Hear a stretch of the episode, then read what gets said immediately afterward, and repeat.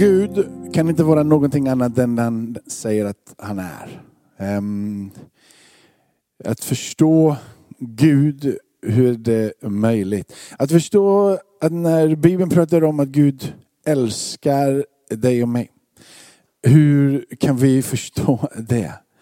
Eh, hur är det möjligt att greppa och få tag i den guden som är allt livs ursprung, den guden som är hög och helig. Bibeln talar om att Gud är ande. Hur eh, fångar man en ande?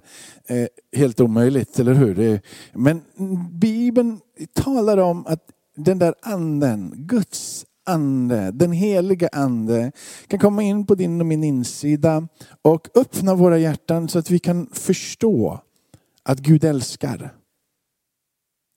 Att Gud älskar dig. Inte en generell kärlek bara till alla, utan när han blir uppstånden i ditt liv och hans ande tar sin plats på din insida så kan du erfara, du kan förstå, du kan känna, du kan uppleva och du kan känna och förstå att du är sedd av Gud. Att han älskar dig personligt.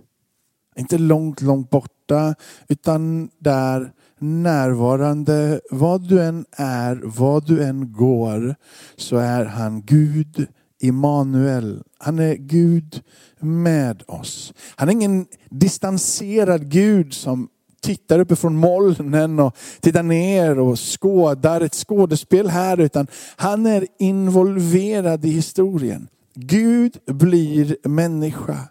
Han tar sin boning och han vandrar här. Han känner med oss för att han själv har vandrat här. Han förstår oss för att han själv har vandrat här. Under våra förutsättningar, dock utan synd. För att han genom sitt liv skulle befria dig ifrån det som vill binda dig.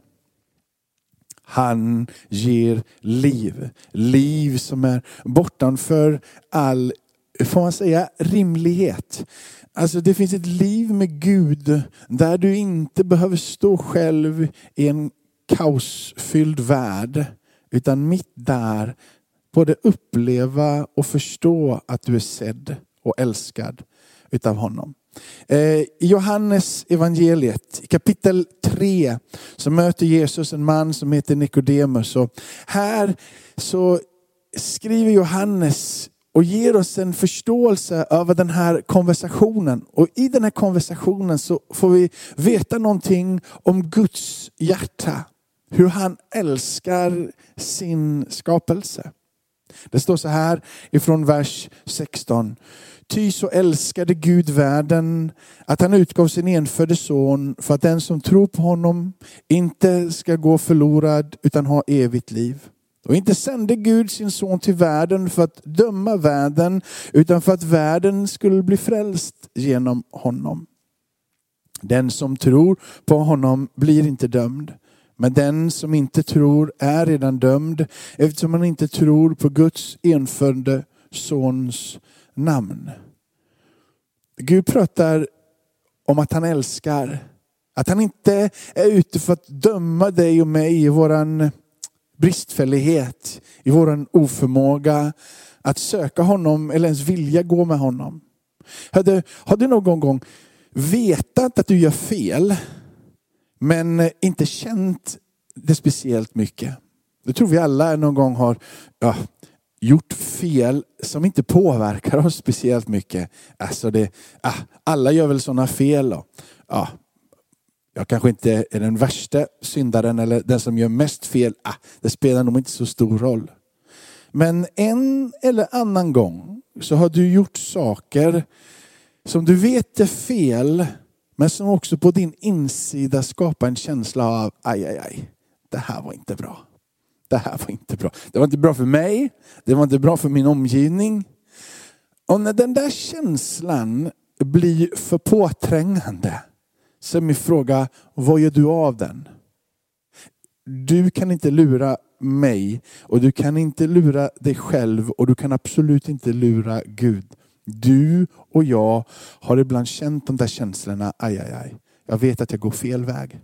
Känns som att jag inte har kraften att göra det som är rätt. Då. Nu har jag gjort det som är fel och så försöker du sudda ut det. Vare sig du känner skulden och skammen över att ha gjort fel. Eller du inte känner skulden och skammen över att du gjort fel. Men du vill finna en väg tillbaka att kunna göra det som är rätt och riktigt. Det som blir bra för dig, det som blir bra för din omgivning. Så finns det en Gud som vill ge dig den kraften.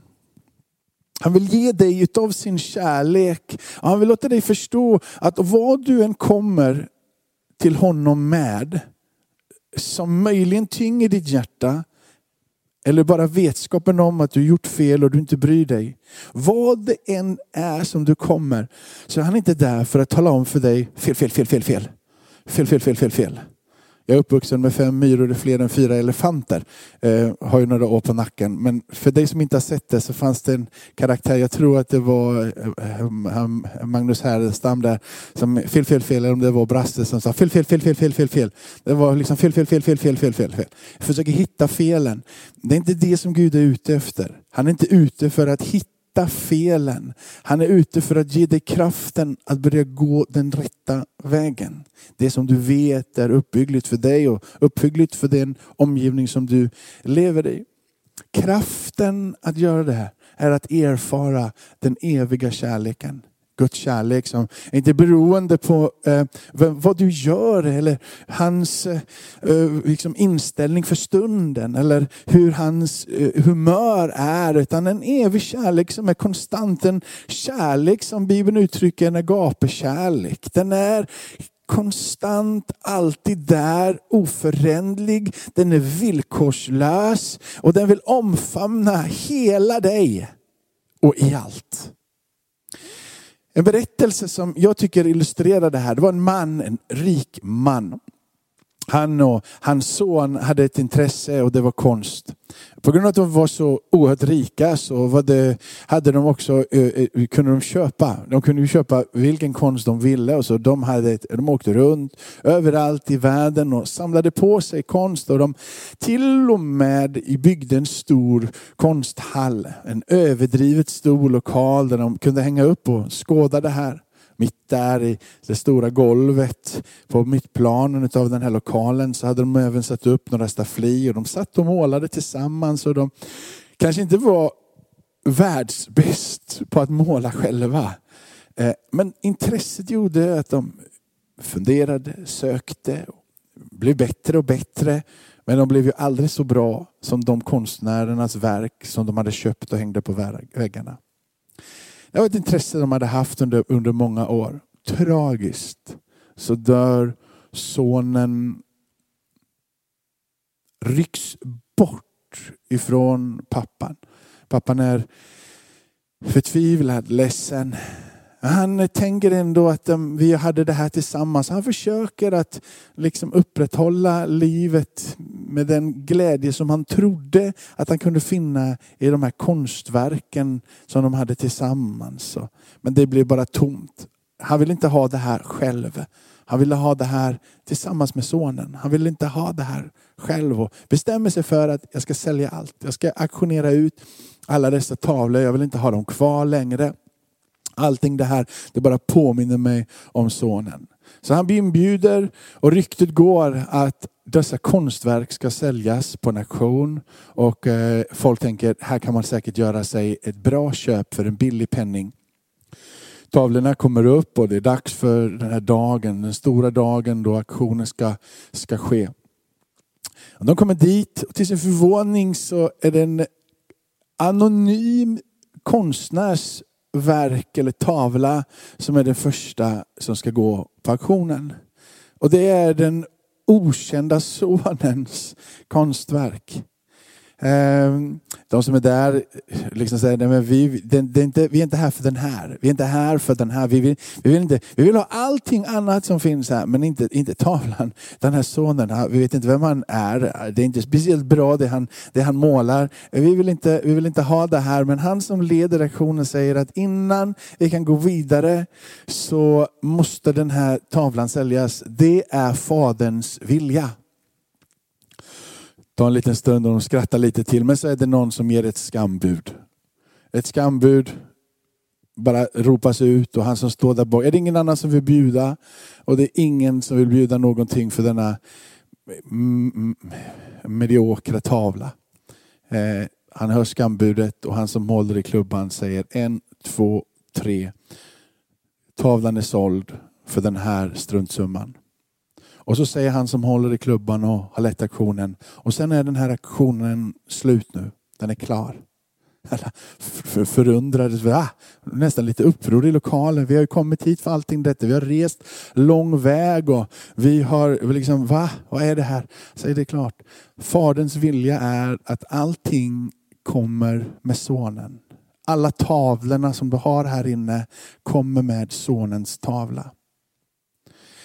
Gud har bestämt att hans kärlek till dig och mig och vad allt vad det innebär kommer med sonen.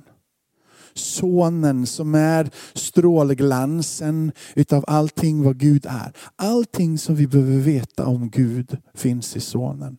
Allting utav välsignelser, allting utav en förståelse om livet, Guds eviga frid, glädje, omsorg, barmhärtighet, förlåtelse från synd kommer genom Sonen.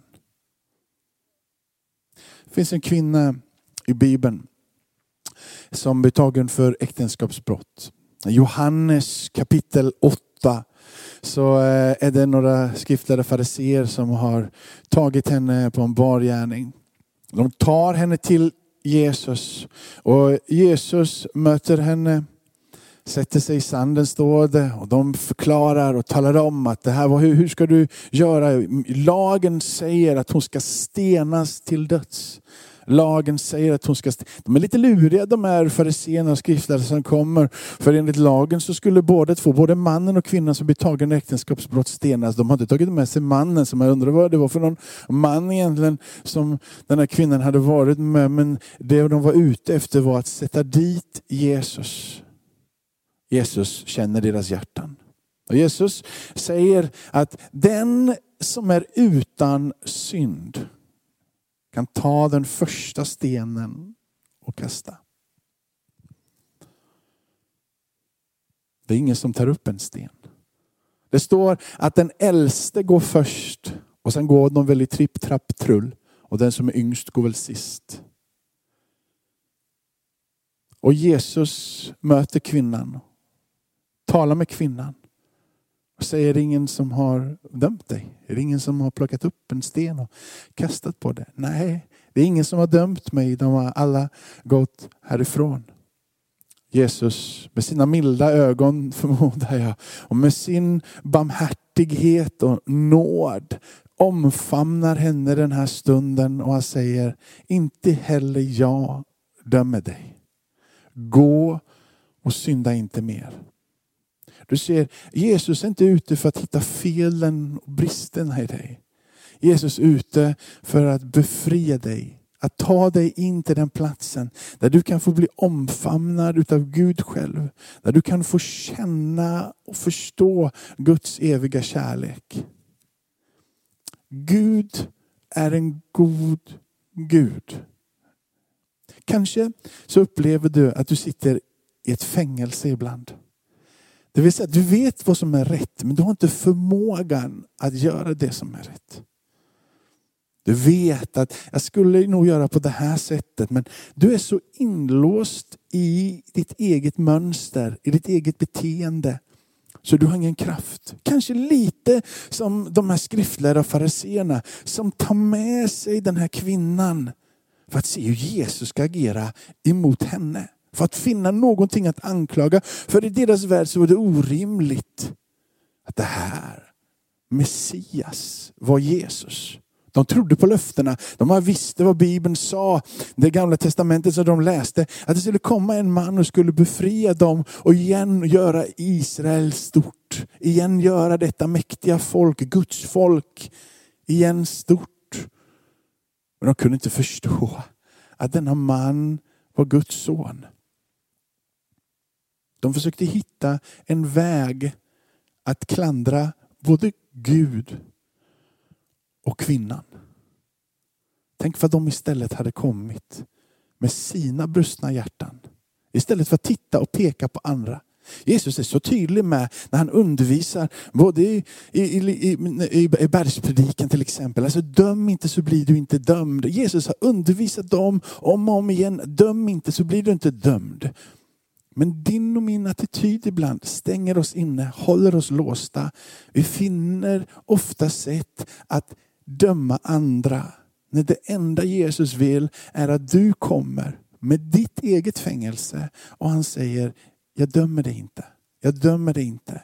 Jag säger var fri, gå vidare, synda inte mer. När hans kärlek får ta plats på din insida, på riktigt, så väljer du att gå därifrån mötet med Jesus och inte synda igen. Du kanske kommer att synda igen, men din vilja att synda kommer inte att dra dig till den platsen. Viljan på din insida på grund av kärlekens närvaro kommer att göra att du vill vandra in i det som Gud har. Du kommer att bli ledd till en plats tillsammans med Gud där du blir befriad ifrån det som hindrar, låser och för dig till platser du inte gillar. Samvetet, förståndet, din vilja. Alla dessa saker som vi inte kan ta på men som finns på din insida. Där vill Guds kärlek träffa dig. Han vill att du med ditt förstånd ska förstå att han älskar dig. Att du ska känna i ditt samvete att det är Gud som påverkar ditt samvete. Att ditt samvete kommer i balans på insidan så att du kan känna, uppleva och förstå vad som är rätt. När den där kärleken från Gud får tränga in på din insida så dras du emot Gud och ditt samvete kommer på en rätt plats i ditt liv. Tänk att kunna ha ett samvete där du igenkänner vad som är fel. Men inte bara igenkänner vad som är fel, utan på grund av den där kärleken som griper tag i dig, så får du viljan på insidan att följa ditt samvete. Du förstår. Och du känner och du upplever och du också har kraften att gå ifrån mötet med Jesus. Befriad, fri. Och orden ekande på din insida. Inte som en plåga, inte som någonting utav ett ok, utan ekande på din insida där de säger, gå, synda inte mer. Jag är med dig. Jag är närmare dig än din andedräkt. Jag är närmare dig än lakanen som omsluter dig på kvällen. Jag vill låta min kärlek få tränga rakt in på din insida. Att du förstår att jag älskar dig.